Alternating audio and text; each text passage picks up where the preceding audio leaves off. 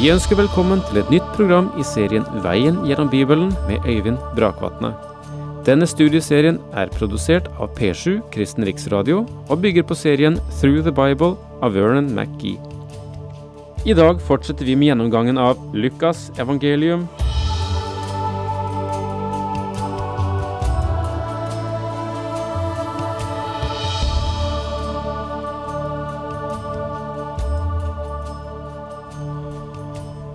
Vi har akkurat begynt behandlingen av en av de mest kjente beretninger, eller lignelser, i hele Skriften, den om den barmhjertige samaritan. Og det var Det er en som har sagt slik at denne beretningen, da Jesus fortalte den, så slo han en bro over mer enn 400 års konflikt. Og så lenge hadde striden mellom jøder og samaritaner pågått, og nå er det Jesus, og du kan merke spenningen i det, trer inn i denne århundre gamle konfliktsituasjonen, og løfter frem en samaritan, og, gjennom det skaper en utrolig spenning, og en situasjon som eh, har vært eksempel for slekten til alle tider siden. Jeg var inne på sist at ved avslutningen at det går an å bli frelst ved loven, men tok den reservasjonen, og den er jo den helt viktige, og si at hvis du forfølger den tanken og sier at man kan bli frelst ved å holde loven, så må vi merke oss at det er ikke dem som hører loven, men den som gjør etter loven, som blir frelst. Men om du sier at du kan holde den, så må jeg minne deg om at Gud motsier deg, og det er jo vesentlig. Han sier at det er umulig å bli rettferdiggjort ved loven fordi ingen kan holde loven, og det er det det står på. Et menneske blir ikke rettferdig for Gud på grunn av gjerninger som loven krever. Galaterne 2, 16. Det som var umulig for loven fordi den var maktesløs på grunn av menneskets onde natur, det gjorde Gud. For syndens skyld sendte han sin egen sønn i syndige menneskers skikkelse og holdt dom over synden i vår natur. Slik skulle lovens krav bli oppfylt i oss som ikke lar oss lede av vår onde natur, men av Ånden. Om den lovkyndige hadde vært ærlig, noe han ikke var, ville han ha sagt, Mester, jeg har alvorlig og redelig forsøkt å elske Gud av hele mitt hjerte, sjel, kraft og sinn, og min neste som meg selv. Men jeg klarer det ikke, jeg har bommet totalt. Så på dette grunnlaget, hvordan kan jeg da arve evig liv? Men i stedet for å være ærlig, så brukte han denne avvæpnende metoden og sa, Og hvem er min neste? Nå gav Kristus ham et svar på dette spørsmålet, og det er lignelsen om den barmhjertige samaritan. Det er en enkel lignelse, men den er fantastisk og enestående. Jesus tok spørsmålet opp og sa, En mann gikk fra Jerusalem ned til Jeriko. Da falt han i hendene på røvere. De rev klærne av ham, skamslo ham og lot ham ligge der halvdød. Nå traff det seg slik at en prest kom samme vei. Han så ham, men gikk rett forbi. Det samme gjorde en levitt. Han kom, så mannen og gikk forbi. Det er mulig at denne lovkyndige var en levitt, og at han krympet seg under denne lignelsen fordi den berørte ham helt personlig. Men en samaritan som var på reise, kom også dit han lå, og da han fikk se ham, syntes han inderlig synd på ham, han gikk bort til ham, helte olje og vin på sårene hans og forbandt dem, løftet ham opp på eselet sitt og tok ham med til et herberge og pleiet ham. Neste morgen tok han fram to denarer og ga dem til verten og sa, Sørg godt for ham, og må du legge ut mer, skal jeg betale deg når jeg kommer tilbake. Hvem av disse tre synes du nå viste seg som en neste for ham som ble overfalt av røvere.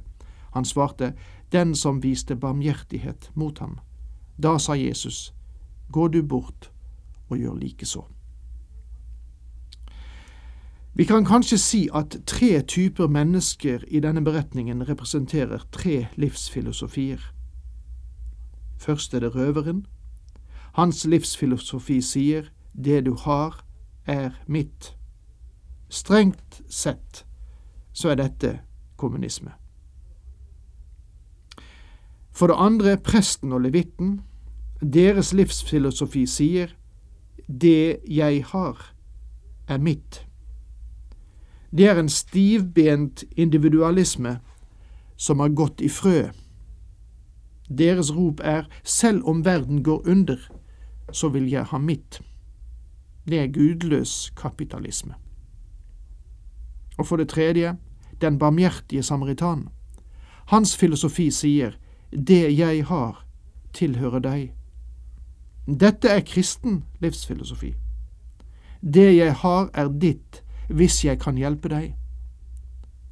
Mennesker som snakker om kristen sosialisme, ser ikke alltid klart at det her er lett å blande sammen to atskilte filosofier.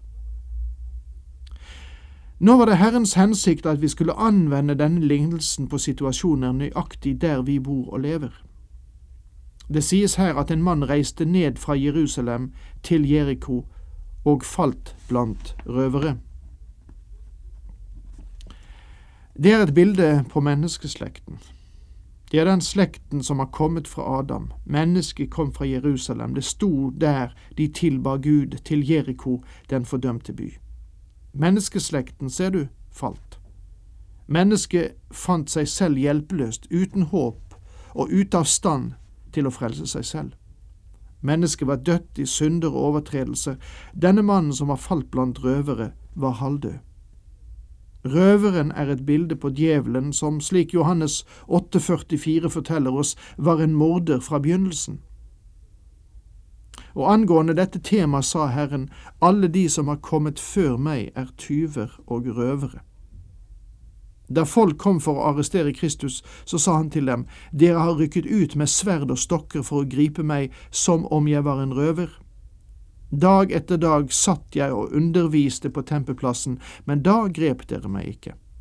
Matteus 26, 55. Djevelen er en tyv og en røver, og Herren ble korsfestet mellom to røvere. Dette er ganske interessant, hva? Så får vi høre at en prest drar forbi. Han representerer ritualismen og seremoniloven som ikke kan frelse et menneske. Noen har sagt at årsaken til at presten gikk forbi på avstand, var at han så at man allerede var røvet. Nei, det var kanskje stygt sagt, var det det? Deretter kommer en levitt forbi, og han holdt seg også et godt stykke på avstand. Han representerer loven, legalismen. Verken ritualet, seremonien eller loven kan frelse.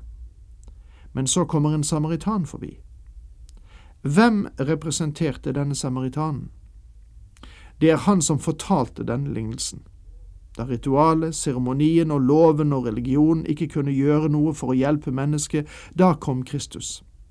Han er i stand til å lege det som er sønderbrutt. Han kan gripe tak i en synder som er tapt, halvdød, knust under overtredelser og synder, og hjelpe. Denne lignelsen kan sikkert ses fra flere synsvinkler, og den har også en praktisk tillempning for deg og meg i dag. Ethvert menneske som du kan hjelpe, er din neste. Mennesker trenger Kristus, den barmhjertige samaritan. Ikke alltid er vi villige til å sette handling bak våre ord, det er som den unge mannen som skrev et kjærlighetsbrev til jenta si. Han skrev blant annet slik. Jeg vil bestige det høyeste fjell for deg, svømme over de dypeste elver for å nå deg, krysse det største hav for din skyld og vandre over den mest brennhete ørken for deg. Så la han til et PS og skrev, Hvis det ikke regner neste onsdag, så kommer jeg og besøker deg. Det virker å være som den gjennomsnittskristnes innvielse til Kristus, ikke sant? Verden i dag er som mannen som falt blant røvere og trenger hjelp. Verden trenger Kristus. Kristus kan ikke bare redde oss fra å drukne, men han kan lære oss å svømme også. Formalismen ser menneskeslekten drukne og sier svøm, bror, svøm, men mennesket kan ikke svømme. Legalismen og liberalismen roper over til mannen og sier hold deg fast, bror, hold deg fast, men mennesket klarer ikke å holde seg fast. Vi mennesker rekker ikke dypt nok og kan ikke løfte høyt nok. Men Kristus løftet meg, min venn, og han kan løfte deg også. Det er blant annet budskapet fra den barmhjertige samaritan. På sin vei kom han til en landsby hvor en kvinne som hette Maria, tok imot ham i sitt hjem. Martha hadde en søster, hun satte seg ned ved Herrens føtter og lyttet til hans ord. Eh, men Martha var travelt opptatt med alt som skulle stelles i stand. Hun kom bort til dem og sa, Herre, bryr du deg ikke om at min søster lar meg gjøre alt arbeidet alene? Si til henne at hun skal hjelpe meg. Men Herren svarte henne, Martha, Martha, du gjør deg strev og uro med mange ting, men ett er nødvendig. Maria har valgt den gode del, og den skal ikke tas fra henne. Uten å gå i altfor mange detaljer, så tror jeg kanskje det også kan sies at Maria hadde gjort sin del, og deretter gikk hun for å sette seg ved Jesu føtter. Martha, hennes søster, var et fint menneske, og hadde det ikke vært for henne, så ville de ikke hatt et deilig måltid mat. Men hun ble altfor oppkavet, og resultatet av det ble frustrasjon.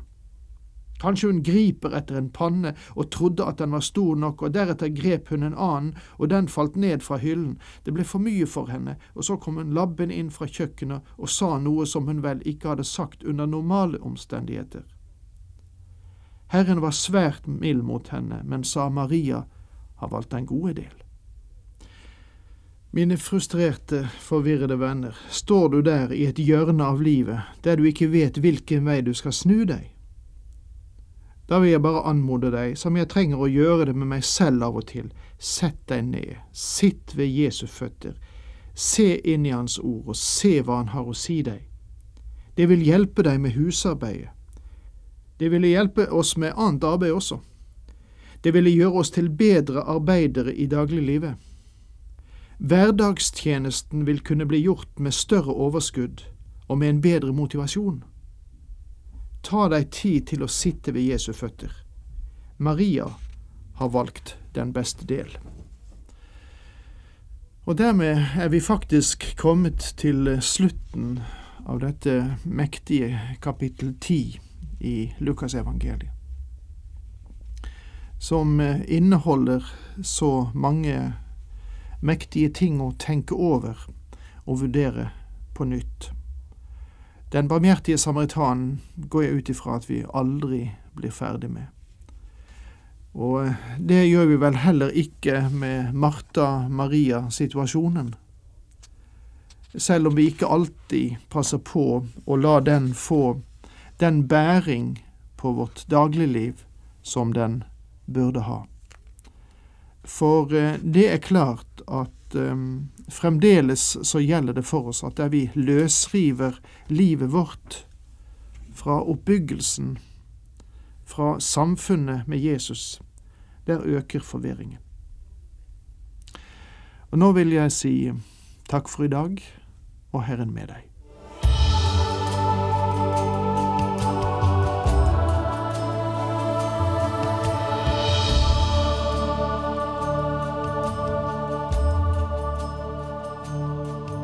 Du hørte Øyvind Brakvatne i studieserien Veien gjennom Bibelen. Serien bygger på et manus av Vern McGee. Har du spørsmål eller kommentarer til programmet, kan du sende en e-post til vgb krøllalfa p7.no. Takk for i dag, og på gjenhør.